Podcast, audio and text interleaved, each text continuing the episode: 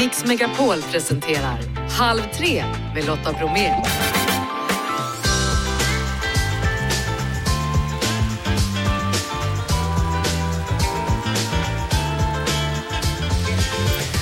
Hallå där och varmt välkommen in i Halv tre-studion. I dagens tisdagsmix, nypremiär för The Island. Dermot Clemminger är en av de strandsatta.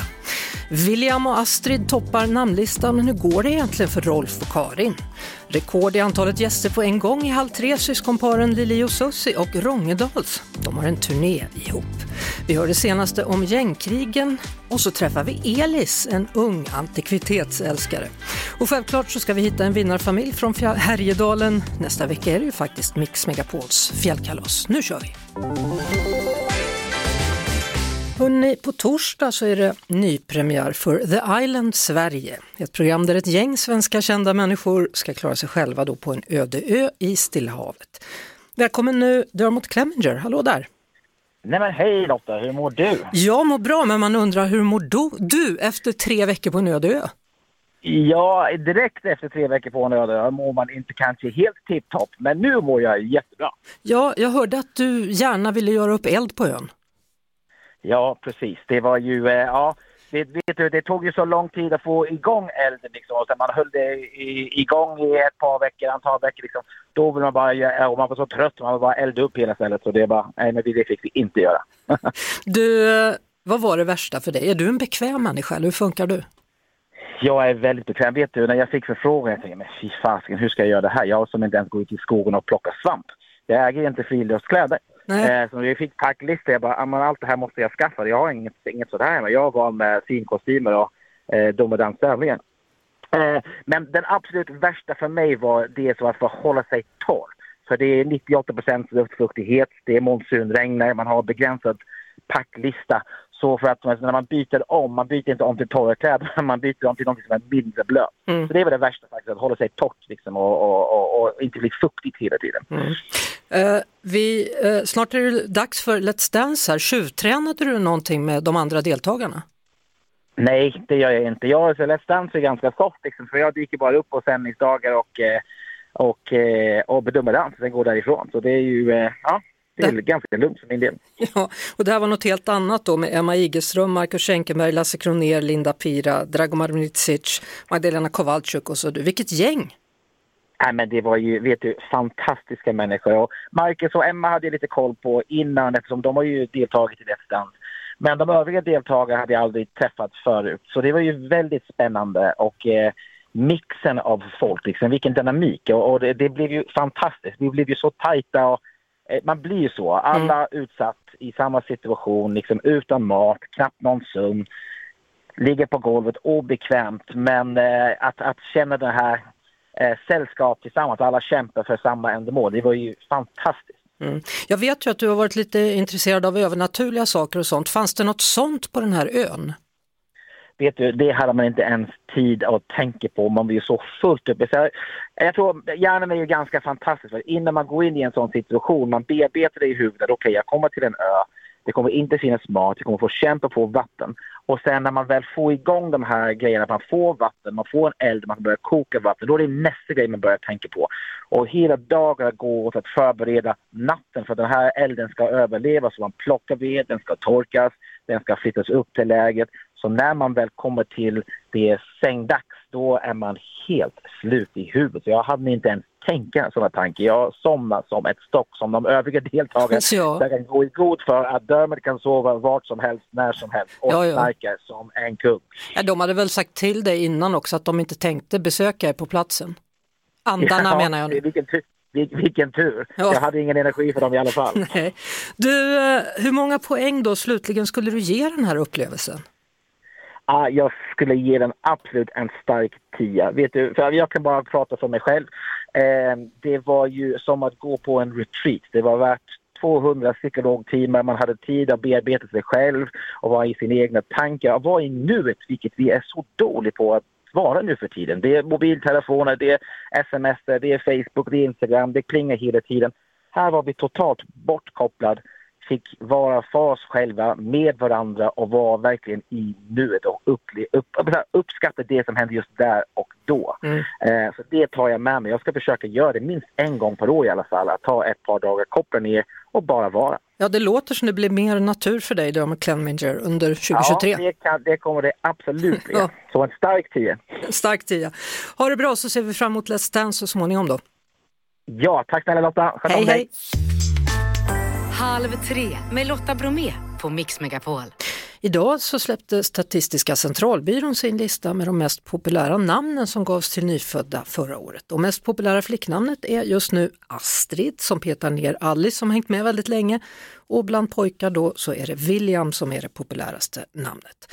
William har ju legat där och bubblat, varit poppis även förut men Astrid verkar vara en ny nästan raket. Vad säger du om det här Katarina Leibring som är namnforskare vid Institutet för språk och folkminnen? Ja, det är jättekul att det blir ett annat namn än Alice och Maja som har prenumererat på toppplatserna där uppe. Och Astrid har ju liksom segat sig upp under ganska många år. Så men nu har det varit lite överraskande att det kom hela vägen upp faktiskt. Ja, var kommer kärleken till Astrid ifrån just nu? Är det Astrid Lindgren? Man skulle kunna tänka sig det faktiskt. Vi hade den här filmen Unga Astrid för ett par år sedan. Och det kan ju tänkas att folk blev inspirerade av det. Sen är det ett namn som ligger i tiden. Vi har Ingrid, vi har Sigrid, vi har en, flera sådana gamla nordiska namn som ligger högt bland flickorna också. Freja dessutom. Ja. Uh, William då, det är ju lite engelsk-amerikanskt klingande, ja. alltså prins William, Precis. eller? Ja, ja det, William har legat högt jättelänge i väldigt många länder i Västeuropa även i USA. Så på något vis har det namnet slagit an hos en hel generation. Mm. Det är lite intressant faktiskt hur det kan hänga kvar så himla länge faktiskt. Ja. Men det är också ett, också ett namn som man kan göra lite olika saker med. Det här är ju sammanslagna stavningar. Så att du kan ju ta William enkel V, kanske sätta in ett litet H någonstans eller ha ett litet J också så att det finns, om du, om du vill sticka ut lite grann med ditt William, mm. vilket, många föräldrar, vilket många föräldrar vill. Ja, alltså annars är ju då en raket på pojksidan, det ursvenska känns det i alla fall som, Nils. Ja, eh, det är ju ett gammalt helgonnamn det också, gamla Nikolaus, men det har ju funnits i Sverige jättelänge. Eh, och det har också klättrat snabbt och man kan ju tänka sig att kanske skrinnaren Nils van der Poel påverkar lite grann. Men det var på god väg. Inte så sällan är det så att om, om ett namn är på uppgång så om det finns någon sån extra faktor, någon extra känd person eller så, så, så, får det liksom en liten extra puff uppåt. Mm. Är det så, alltså kändisar i sportvärlden eller kanske musik, film, politik? Ja. Alltså Alba sticker ju ut här också bland tjejnamnen. Absolut. Absolut, Alba det, det, det hoppade in på listan förra året och har fortsatt klättra nu så eh, det kan man tänka sig att det är Alba August som, mm. som spelar in. Sen är det också så att det är också ganska likt Alva och Alma. Så att, ofta blir det så att man liksom tar något namn som ligger rätt nära de namn som redan är populära, men som ändå då blir, lite annorlunda. Mm. Eh, Ronja har ökat i popularitet också, mm. det går väl hand i hand mm. med Astrid där och kan jag tänka, och ja. nya Ronja-serien som snart kommer. Just det, jo det, det, måste vara för det var lite överraskande för Ronja har liksom funnits så pass länge. Det, det finns ganska många Ronjor som blir mammor nu mm. och eh, det borde in, därför borde inte Ronja vara så populärt egentligen. Men ja, ja. I, ibland, ibland stämmer inte teorierna. Nej, och Ture, är det Ture Sventon eller är det bara sött? Jag tror att det är bara sött. Det kommer ju alltid eh, in, Katarina, namn, förslag på nya namn från filmer eller böcker eller något som man bara hittat mm. på. Kan du ge exempel på något som är annorlunda? Ja, Ronja som vi pratade om förut var ju något som Astrid Lindgren hittade på. Mm. Helt, helt enkelt. Eh, det finns ju de här påhittade namnen kanske inte blir lika vanliga för att det kräver ju att namnet ska sprida sig. Och sen så det som vi kanske upplever som påhittat i Sverige kan ju också vara sånt som, som är populärt i andra kulturer men som kommer hit. Ett namn som Mila skulle vi kanske inte se som något riktigt äkt svenskt men det ligger högt uppe nu. Det är ju ett, ett slaviskt namn och tror jag, även arabiskt. Milo är väl det, motsvarigheten då på krissidan ja. antar jag? Ja, Milo tror jag också har något latinskt, någon latinsk bakgrund mm. som, som, som många av de här gamla, gamla mansnamnen har. Eh, det är ganska vanligt också att, att en del smeknamn har blivit tilltalsnamn mm. då, som att man kan mm. heta antingen Theodor eller Theo eller mm. Sigurd och Sigvard, det blir Sigge och så vidare. Mm, precis, och det är ju en nyhet de senaste decennierna att det har blivit så vanligt att man ger så att säga ett, det som tidigare så var ett smeknamn som det officiella namnet. Mm. Och det gör ju också att då får vi ännu fler namn i omlopp. Och det, på ett vis är det ju enklare. Annars ska man tänka på om man nu heter Lars i pass och, och alltid kallas för Lasse, måste man tänka på hur man skriver. Så det är, det är praktiskt att ha Lasse även då som officiellt namn. Mm. Vilka faktorer som brukar spela in när vi namnger våra barn? Och det är jättemånga olika faktorer. Det finns inte, det går inte att renodla, men dels är det här, hoppas jag, att alla ska tycka att det, att det är vackert förstås. Eh, och sen, vi hämtar namn från våra föräldrar, eller våra farföräldrar och morföräldrar oftast, namn mm rara personer när vi var små, som vi kommer ihåg de namnen. Sen så är det på något vis som att namn finns runt om oss utan att vi riktigt tänker på dem. Det kan också vara att om det är en familj där man har flera språk så ska det vara ett namn som passar, som går att använda på alla de språken. Eh, en del vill också ha namn som är väldigt ovanliga. Jag har inte hört att någon direkt vill ha ett vanligt namn, så en del blir kanske förvånade när deras lilla Maja visar sig vara en av flera stycken i klassen efter mm. ett tag. Mm. Jag kommer ihåg att i min klass så var vi tre stycken som hette Lotta. Två av oss hette mm. egentligen Charlotta och en hette Carlotta. Så det blev ah. Lotta 1, Lotta 2, Lotta 3, det var det vi blev mm. då. det är kanske lite, lite, lite tråkigt. ja, det kan det vara. Jag har varit på, mm. på två dop då, senaste mm. året, ett och ett halvt. Eh, det var Rolf på den ena och det var Karin Jaha. på den andra. Så där, det är två namn som är ganska ute egentligen. Faktiskt, Karin är ett väldigt vanligt namn men det, har, det försvann slutet på 90-talet från topplistorna. Mm. Och Rolf, Rolf är ett sånt där 40-talsnamn så det var nog någon, några föräldrar som ligger lite i framkant där som, som döpte lille Rolf kan jag tänka mig. Det är döpt efter min pappa faktiskt och det var hans så barnbarn där, som hade nye Rolf som vi kallar honom för. Ja, ja. ja. Ja, ja men det, det, det, stämmer ganska bra med det här att man, att man hittar namn i släkten. Vad fint! Ja.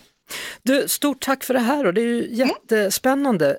Och cykeln mm, är väl att liksom den tredje generationen, det är liksom mm. den som återkommer, återkommer, återkommer.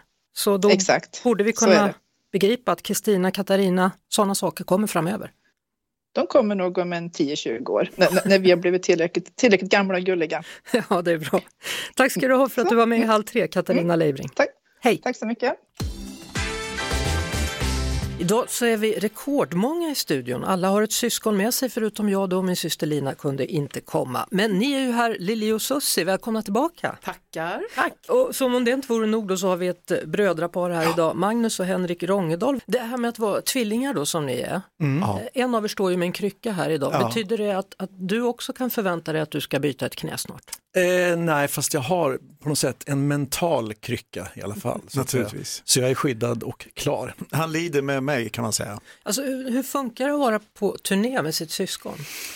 Eh, måste vi svara på den frågan? ja. Jag säger pass. Nej, men, eh, men det funkar bra. Det, det gäller att ha en arbetsrelation med sitt syskon. Annars så kan det nog bli besvärligt. Så man får hålla man får hålla den här personliga distansen samtidigt som man jobbar intensivt och intimt tillsammans. Liksom. Men, men, funkar alltid det? Mm, ja, det funkar alltid. på, jo, men på arbete funkar det alltid. Det är väl mer så här när man tänker efter att ja, men ska vi verkligen ses på jul också, förutom att vi har jobbat hela december tillsammans. Mm. Och så där, när, när släkten vill träffas och vi har fått nog av varandra. Det är väl lite den situationen som ja. ibland stå, uppstår. Men sen är det en styrka också tycker jag, om man Absolut. tittar på, eller hur, syrran, att, att också vara nära och har man gått mm. igenom mm. en del som vi känner att man har gjort så har man också lärt sig liksom varandras styrkor och svagheter och då kan man matcha varandra, mm. tycker vi, eller hur, på ett bra sätt. Att det jag är sämre på, där kan jag lita på syrran och kanske hon känner likadant tillbaks. Så att, eh, vi hade inte passat ihop eller kunnat jobba om vi har varit likadana. Nej. Utan det, det är viktigt att vi, vi är två väldigt olika personligheter. Fast men, ändå lika. Men vi, ja, fast mm. vi matchar varandra och jag tror att det, ni verkar vara liksom ja. samma. Ja. Att ni är ja, ganska olika. Precis, det är sant. Oh, ja. Mm. Men jag tänker på när, när ni var här senast i Livshuset, då pratade vi faktiskt om att ni hade haft ett litet break för varandra mm. för att ta några steg bakåt. För det mm. kändes som att det blev för mycket. Mm. Men det var nyttigt för att man behöver också få växa och göra sin sak som eh, Sussi eller som Lili eller som Magnus eller Henrik. För det är väldigt lätt att man ser oss som en person och därför är den här showen väldigt rolig som vi gör. Där gör vi någonting tillsammans men vi kommer också göra saker där var var och en liksom kanske visar Mm. också lite att, Precis. och går utanför mallen just att alltid vara två och två. Eh, vi ska prata mer om två systrar, två bröder och vi ska undersöka hur det står till med syskonkärleken alldeles strax. Men nu, en låt från 2008. Precis de bröder som vi just hörde då, Rångedal med låten Just a minute från Vilken låt! Mellon 2008. Den fyller 15 år i år minsann. Ja, det är precis så faktiskt. Och det gör ju faktiskt vi också som artister tänkte jag säga. För det var väl då ni slog igenom med dunder och brak? Och som 42-åringar. Ja. Det ska ju inte kunna hända. Det är värt en applåd. Ja. Tackar, tackar! Eh, hörni, nu, nu är det ju två syskonpar i studion och det blir ganska mycket så här liv så. Och då tänker jag så här, hur var det när ni var små? Rångedals, vem av er två bestämde? De flesta av oss såg ju inte ens skillnad på oss. Så att eh, det var liksom så här, man kunde inte vända sig till någon av oss utan det blev alltid att man vände sig till båda. Tvillingarna kan... sådär. Och eh, sen när, vi, när någon av oss ville någonting mer än den andra så var det helt enkelt, man får se till att man får sin vilja igenom. Och gärna genom slag och spark och springa därifrån. Självklart. Ja. Det gäller att vara snabb. Och det- Slå, springa, Men skyllde ni slagen. mycket på varandra Jag liksom? tänker man måste kunna hitta på massa roliga saker när man ser likadan ut. Så tänker de flesta, men vi Ja, var så ni himla det. beskedliga. Ni Så- det? så ja, gulliga och ni snälla ser lika beskedliga ut idag då Ja, som ni tackar, var. Som, Ja. Ja. Men hur hade ni det då, Lili och Susie? Vem bestämde? det var rena rama vilda västern. Jag vet inte, jag tror vi har bestämt rätt bra. Det var väl lite att jag var styr, storasyrra ibland, att jag sa Lillill och jag. Eh, när jag ville Ja, men det är ha... ändå stor skillnad. Ja. I den åldern så är det liksom Ja. två år blir det Och- ganska mycket. Och så ville jag ha Men- stöd så här och då var det som Lillill och jag vill. Så det, 13 minuter Men jag var långt otroligt envis. ja, så att jag det var som en hittade, liten röd gris. Ja, så jag hittade på väldigt mycket Och jag, de en var väldigt... Ja, hon Ja. var väldigt envis. Vi, brorsan kallade henne för Gnarsman och det säger allt. Gnarsman, vad betyder det? Ja, frågan, fråga då. Ja, Varför fick jag det vad hon sa nej och var omöjlig och jag vet inte, han döpte henne till Gnarsman och det var ganska skönt. Jag vet inte, men det får Totte förklara någon gång. Jag, alltså jag, jag har ju kompisar som är tvillingar och för dem är det väldigt noga vem som är storebror och lillebror i vissa lägen. Ja, Hur många minuter skiljer det? 13. Ja. Samma kläder, hade ni det då? Nej, ja, det hade vi faktiskt upp till en viss ålder. Sju Tills, tror jag vi fyllde. ja, Då såg vi själva hur konstigt det här kunde vara. Att vi fick likadana Ja. kläder. Alltså jag fattar föräldrar, det är så enkelt. Ja, men vi ger dem samma så slipper de titta tänka. rea på de här Men till grejerna. Ja, men exempel då, har man inte olika färger på mössorna till exempel för att kunna veta vem som är vem liksom på avstånd och Nej, sånt. det hade inte. ja, men, ja, men det blev väl så när vi började i skolan, liksom att, att det faktiskt fanns anledning att folk skulle kunna se skillnad på Ja. oss. Men fram till dess så var det rätt så mycket lika faktiskt. Ja, mm. Ja, precis. Vi var ju gulliga. Ja, oj. Vi var lika, vi hade ju väldigt mycket lika. Eh, Ja. Men jag minns ju, jag var ju så förbannad på mamma och pappa. Sussie hade fått, hon var ju lite större då. Ja, det kommer jag ihåg Fina fortfarande. vita prinsesskriskor med så här guld prinsess på sidan. Ja, men och du har ju- jag sådana med skenor vet, som man får spänna Dubbel, dubbel. som man får spänna över foten. Ja, Men- och jag var jätteliten Ja. så här, jag tog dem där och bara slängde dem över hela köket. Oj. Så mamma fick ju då leta över hela Sverige för att hitta mini så här, vita prinsesskridskor så jag också Sådär, skulle få ja. så. Men det, hon hittade dem. Så, att- men Så då, då mamma. jag verkligen så av det här. där faktiskt fortfarande, helt galet. Sa vi Gnarsman? eller? Ja, där, där fick vi ett exempel, Gnarsman. Nu förstår ni vad namnet Nu kommer säger, jag, nu säger jag stopp. Det här går inte jag med på, så här, tre år gammal. Aldrig. Självklart ska vi höra en uh, mellolåt med Lili och Susie också. Det blir från 1989, Okej okej. Lili och Susie hörde vi här i halv tre då på Mix Megapol. Okej okej heter låten, året var 1989 och det har vi konstaterat var 34 år sedan. Ja. Det är okej. Det är okej. Ja, Det får det- vara det får vara okej. Vara va? okej. Hörrni, eh, Rångedals och Lili och Susie ska ut på turné då med två systrar, två bröder. Hur skiljer det sig det här från något ni har gjort tidigare? Nu, nu kommer vi presentera vad som gjort att vi står där vi gör idag. Vilka låtar som följer med oss när vi växte upp. Och det kan faktiskt vara olika för brorsan och mig också och för, för systrarna in, individuellt och tillsammans. Men kan man tänka sig att det blir längre prater mellan låtarna den här gången? Att ni är Ja. lite mera show på det sättet? Ja, precis. Ja, det kommer lite närmare, lite mer intimt och man får saker som man inte visste man skulle få, kommer man att få också.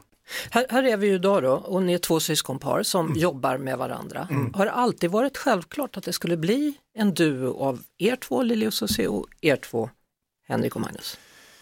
Vi, alltså vi, du brorsan Magnus, du var ju faktiskt popartist på eh, början på 90-talet i Ja, Big. Money. Eh, Så då var inte jag ens tilltänkt höll jag på att säga.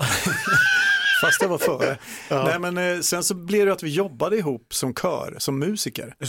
Det. Och det blev en sån otroligt rolig grej med att vi ser lika dumma ut båda två och står bakom artister och så här. Så att det blev ett, för, för, för, nu är det ju nästan omöjligt att tänka sig att vi skulle göra saker utan att vara båda två. Ja, tala för dig själv. Ja.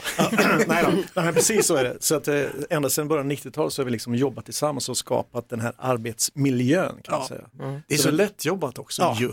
Liksom. Det, precis. Mm. Och Lilly och Susie? Nej, men det var ju som jag sa där, Lilly och jag, det var, har blivit att det har väl varit, eller hur? Vi har ju haft en ja, vi, gemensam dröm som vi har. Vi bestämde oss väldigt, när vi var väldigt unga, att vi skulle bli artister. Men, ska jag säga det, när vi började köra när vi gick i skolan, då var vi faktiskt, Anki Bagger fanns med, mm. så vi körade först, alltså tänkte bli en trio.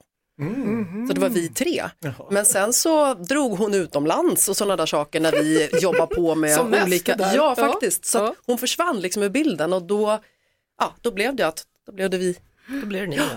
Men det, som jag säger, det är jättekul men jag tycker också det känns så härligt att vi låser ju inte varandra utan Lili mm. har ju haft mycket med sitt bygga upp hela djurens ö. Mm. Jag har jobbat mycket med låtskrivande och andra saker och det är det som är så kul att vi sammanstrålar i Lili och Sussi och så tar vi med oss liksom mer saker mm. nu in i det mm. som jag tycker gör att vi får en ännu bredare spelplan på något sätt. Så, mm. Ja, nej, men vi det... behövde de där tio åren ja. ifrån varandra för att ja. hitta tillbaks till varandra helt enkelt. Ja. ja. Och nu är det alltså då dags för eh, den här turnén då, Två systrar, två bröder, premiär den 20 april, så nu håller ni på fram till den 13 maj och så har ni mer Crash Boom Band. Mm. Yeah. Grymma killar från Karlstad. Mm. Och avslutningsvis då så lyssnar vi på en låt där ni är med alla fyra, en ny låt, Shine. Yeah. Mm. Vad kan man säga om den? Jag måste säga när jag hörde den här låten, eh, killarna när de spelade upp den för oss, så kände jag så här, gud vad skönt med någonting som bara sjunger om lycka och får en att må bra. Mm. Ja, och just att man kan tänka lite mer, man måste positivt. tänka positivt, man måste faktiskt försöka göra det, mm. även om sant. det ser ut som det gör. Helt och där, här försöker vi ge det lyckopiller mm. tillsammans. Mm. Tack för att ni kom hit, Lili och Susie och Rångedal, så ha en kul turné nu då framöver. Oh, det ska vi ha. Halv tre med Lotta Bromé på Mix Megapol. Nu ska vi till mina hemtrakter här minsann. Vi ska till Västergötland och Kvänum. Elis finns nämligen där, 13-åriga Elis Mod i Kvänum som alltid är på jakt efter nya fynd. Hallå Elis! Hej! Hur är läget? Det är, det är jättebra tack. Ja, Själv? Jo det är bra så det. Alltid kul att prata med någon som är från Västergötland, det är ju toppen det. Ja, tack detsamma. ja. Du, om du berättar om ditt sovrum, hur ser det ut? Ja, i mitt sovrum har jag två stycken eh, teakmöbler, ett blombord, en fåtölj, en eh, säng förstås och så ett litet hörnskåp. Jaha. Och så står det saker i på nästan allt. Ja, och när du säger då eh, en bord och ett stol, då är det ganska gamla saker som du har? Ja, det mesta är från 50-talet och en del är till och med äldre än så. Hur kommer det sig att du började intressera dig för antikviteter? Jag tror att det började med att Eh, jag samlade, eller att jag började samla på majblommor. Mm. Och så fick jag, ville jag fortsätta och började gå på loppisar och då började jag även hitta andra saker som jag tyckte var fina och så började jag samla på mycket annat också. Jag tänker så här, är det något år som du saknar en majblomma ifrån? För i så fall kan vi ju efterlysa en sån, det finns säkert folk som har. Ja, jag saknar eh, fem stycken. Det är från 1907, 1908, 1909, 1910 och 1920. Och resten har du från hela 1900-talet? Ja, resten de har jag faktiskt. Wow! Jaha, men då vet vi det. 1907, 1908, 1909, 1910 och 1920. Det är de majblommorna yes. du saknar. Bra! Ja. Eh, är det något annat du letar efter just nu för att göra din samling komplett? Ja, jag skulle vilja hitta lite mer Lisa Larsson-objekt. Eh, jag har ju några nu, men det hade varit roligt att fortsätta samla och få en större samling av dem. Ja, och de brukar man ju kunna hitta även om det är svårare och svårare på, på loppisar och sånt. Är det där du går och letar eller var letar du? Ja, jag brukar alltid kolla om jag ser något på loppisar men man brukar mest hitta hennes glasföremål och de är inte lika populära och inte har den här riktiga charmen men hennes figurer i keramik och så kan man hitta på nätaktioner som på Tradera och så. Mm, precis, och sen har jag hört också att Uppsala Ekeby, gillar du dem? För de gillar jag. Ja, de är jättefina. Visst är de det. Och de har jag hört att de är värda hur mycket som helst nu för nu har japanerna börjat visa intresse för de här. Ja, det finns vissa av dem som kostar jättemycket pengar. Ja, du har verkligen och, koll här. Ja. Ja, och japanerna är som tokiga i Lisa Larssons figurer också. De Jaha. kostar sjuhöga priser där. Ja, men det är ju bra för dig då eftersom du har koll på det, för då om du har dubblett av någonting så kan du lägga ut den till försäljning till Japan då? Ja, det mycket av sakerna som jag säljer på Tradera kan ju skickas till andra länder också mm. om det är någon som är intresserad. Precis. Alltså vad, vad, säger dina kompisar då? Är du ensam om det här intresset eller är ni ett helt gäng? Nej, tyvärr så är jag ensam men ja, de kan ju alltid fråga lite frågor och sånt men det är bara jag som går runt på loppisarna själv och så men mm. det, det dyker säkert upp någon som jag skulle kunna dela intresset med. Det tror jag med. Hur är det med Antikrundan? Sitter du varje vecka och kollar eller? Ja, det brukar jag göra. Jag tittar på så mycket som möjligt som jag hinner. Ja, för det finns ju sådana här Antique Roadshow också i England där de far runt. Ja, den tycker jag är bra. Den brukar jag också se på. Jag har nog sett nästan alla avsnitt. Ja, vet du vad jag brukar titta på? Jag brukar titta på de där Storage Wars. Där ja, man... de håller jag på att titta på just nu också. Ja, de visst är, är de bra? Du hör! Ja, de är jättebra. Vi har något gemensamt förutom att vi är västgötar båda två. Ja, verkligen. ja. Du, vad är, är drömmen i framtiden då, om du tänker framåt? Ja, jag skulle gärna vilja ha en antikaffär och kanske ha en liten auktionshus också. Det skulle jag kunna tycka var väldigt roligt. Ja, det låter som en alldeles utmärkt dröm det om framtiden. Ja, man får ha sina drömmar så får man se vad det leder till. Precis så är det Elis Mod i Kvänum. Eh, stort tack för att du ville dela med dig och sen så gör jag en liten efterlysning då på de här majblommorna. Ja, tack så mycket. Halv tre med Lotta Bromé på Mix Megapol. Hörrni, ni lyssnar på Halv tre med Lotta Bromé och vi konstaterar att den senaste månaden då har ett gängkrig grasat i Stockholmsområdet som är kopplat då till narkotikahandeln i Sundsvall bland annat. Eh, med oss nu Fredrik Sjöshult som är kriminalreporter på Expressen. Vad är det senaste i den här gängkonflikten? Ja, det, det som hände i helgen det var ju ett mord i Skogås, oklart hur det är kopplat till gängkonflikten. Det var också två stycken sprängningar uppe i Bro där man kan möjligen tro att det har någon koppling då till den kurdiske räven eftersom han tidigare haft kopplingar till Bro. Men det kan också finnas andra förklaringar, det är högst oklart i nuläget. Ja, det där är två namn som har dykt upp nu då. Den kurdiske räven och greken, vilka är de två? Ja, den kurdiska räven är en person som har väldigt lång kriminell bakgrund, domar på långa fängelsestraff bland annat för grova narkotikabrott. Och han har varit en sån som under de här åren med krypterade chattar så har han dykt upp gång på gång i olika utredningar. Han har då kallats för Fox Kurdish och enligt polisen så leder han då ett nätverk som av polisen döps, döps till Foxtrot.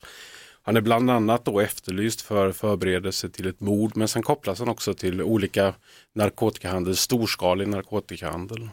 Är det han som greps i Turkiet men släpptes? Han greps och släpptes, eh, och släpptes av lite oklara anledningar får man, får man väl säga. Det finns svenska poliser och åklagare som inte är riktigt nöjda med att inte han eh, sitter kvar i utan att, att, att, han inte har kommit till Sverige, att han då kan gömma sig där nere och fortsätta sin, vad man då tror, kriminella verksamhet. Mm. Och sen så har vi greken då, vem är det? Det är en person som har funnits länge i det så kallade Dalen-nätverket. Dalen-nätverket eh, har ju varit kända bland annat för att de har, ja, rapparen Einar var, var en av dem som var, var med där en gång i tiden och kopplades till det nätverket. Men det har också varit ett antal mord i dalen, det har varit mycket våldsamheter och de har splittrats internt, internkonflikter. Han är då en som pekas ut som ledande i nätverket och kopplas också till olika former av narkotikahandel. Mm. Eh, politikerna och polisen höll ju då ett möte för inte så länge sedan och sa att nu ska det komma ännu fler polismän till Stockholm för att lugna ner det här. Har det fungerat? Det har kommit ett hundratal poliser sedan förra veckan. Eh, vad vi har sett är att det är väldigt många som har gripits. Så de har gripits för den här typen av brott som man vill att de ska gripas för. Kan man säga. Alltså förberedelse till mord, man slår till mot dem innan mordet inträffar. Man tar dem för grovt vapenbrott, ett straff. Det är brott som kan ge ganska långa straff, vilket är att de försvinner från gatan och försvinner från de här gatustriderna. Så det har varit ett antal sådana gripande. Och om man ska se över hela linjen från jul och framåt så har det väl lugnat ner sig lite i veckan men att säga att det är lugnt så är det ju inte. Nej, och det har dessutom gripits människor också uppe i Sundsvall. Det har gripits ett antal personer uppe i Sundsvall som då kopplas till den här gängkonflikten och som då kopplas till ja, det faktum att det skulle vara någon strid om narkotikahandel där uppe mellan de här båda herrarna. Det sorgliga i allt det här det är att flera av de här barnen, för det är barn det handlar om, är 15 år och yngre. Det är väldigt många som är unga som är inblandade. Dels som är under 18 år men också faktiskt då under, under 15 år som är inblandade. Och det är både pojkar och flickor. Har vi sett det tidigare?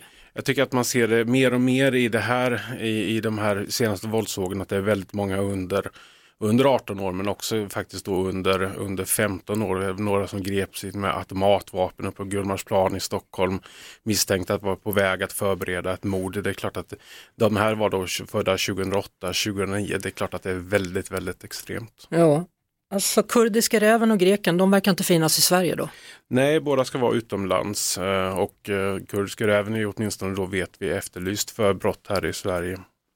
Så vad tror du? Kommer det att fortsätta så här eller börjar de stävja det här? Det börjar väl möjligen vara så att en del av de här yngre utförarna försvinner men det är hela tiden nya som står, står på tur och dessutom ska vi inte glömma att det finns ett antal andra konflikter. Jag tog del av en lista där det finns tre, fyra stycken så kallade röda konflikter. Det finns sannolik risk för våld enligt polisen och i alla de är inte kopplade till kurdiska räven och till Grekland utan det finns flera olika konfliktytor som, som är bekymmersamma i Stockholmsregionen just nu. Tack så mycket Fredrik Sjöshult, kriminalreporter på Expressen. Tekniktipset. Hallå där Martin Appel. Hej Lotta! Välkommen hit. Tack så mycket. PC för alla mannen som kan det mesta om det mesta och det bästa om det mesta framförallt. Artificiell intelligens ska det handla om idag, det är ju en av de stora tekniksnackisarna nu. Artificiell intelligens, det handlar om att våra tekniska prylar ska kunna fatta egna smarta beslut. I vanliga fall traditionellt, då har ju en pryl gjort exakt det jag säger åt den. Jag trycker på lampknappen, då tänds lampan. Jag trycker en gång till, då släcks den.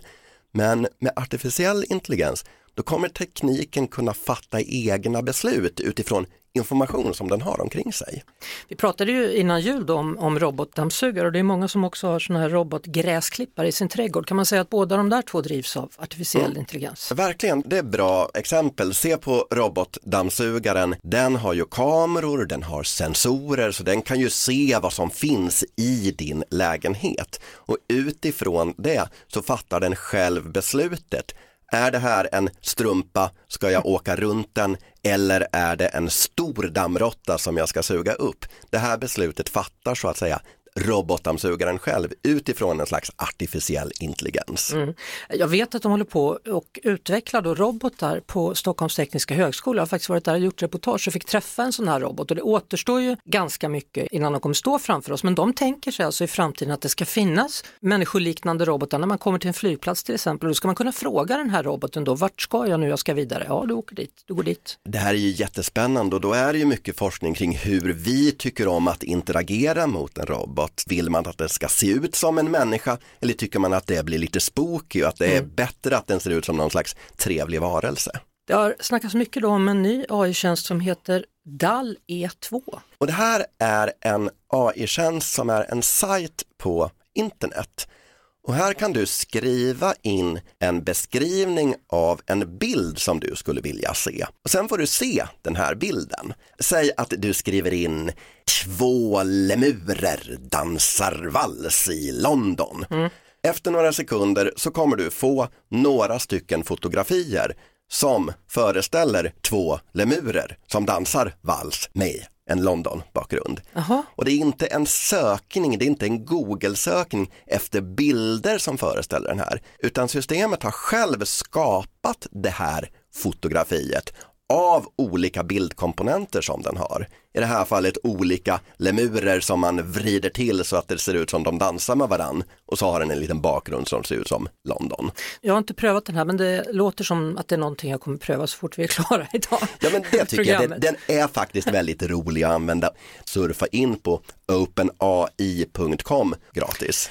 Tack för den här veckan Martin. Eh, nästa vecka drar ju sportlovet igång och då ska vi kolla vad det finns för prylar för sportlovsbacken till exempel. Då ses vi om en vecka. Det gör vi.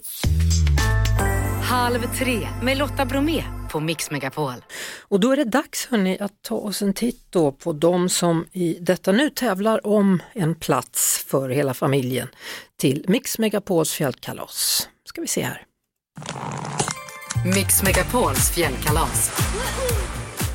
Där får de. Men vilka är det som ska åka med då? Man undrar ska se här, Härjedalen är alltså dagens landskap. Och så här låter djuret. Brr, brr, brr, en björn skulle det där föreställa. Jag vet inte, lyckades det Märta? Blev du rädd? Ja, absolut. Du bor ju i Bruksvallarna som ligger i Härjedalen. Har du någonsin sett en björn?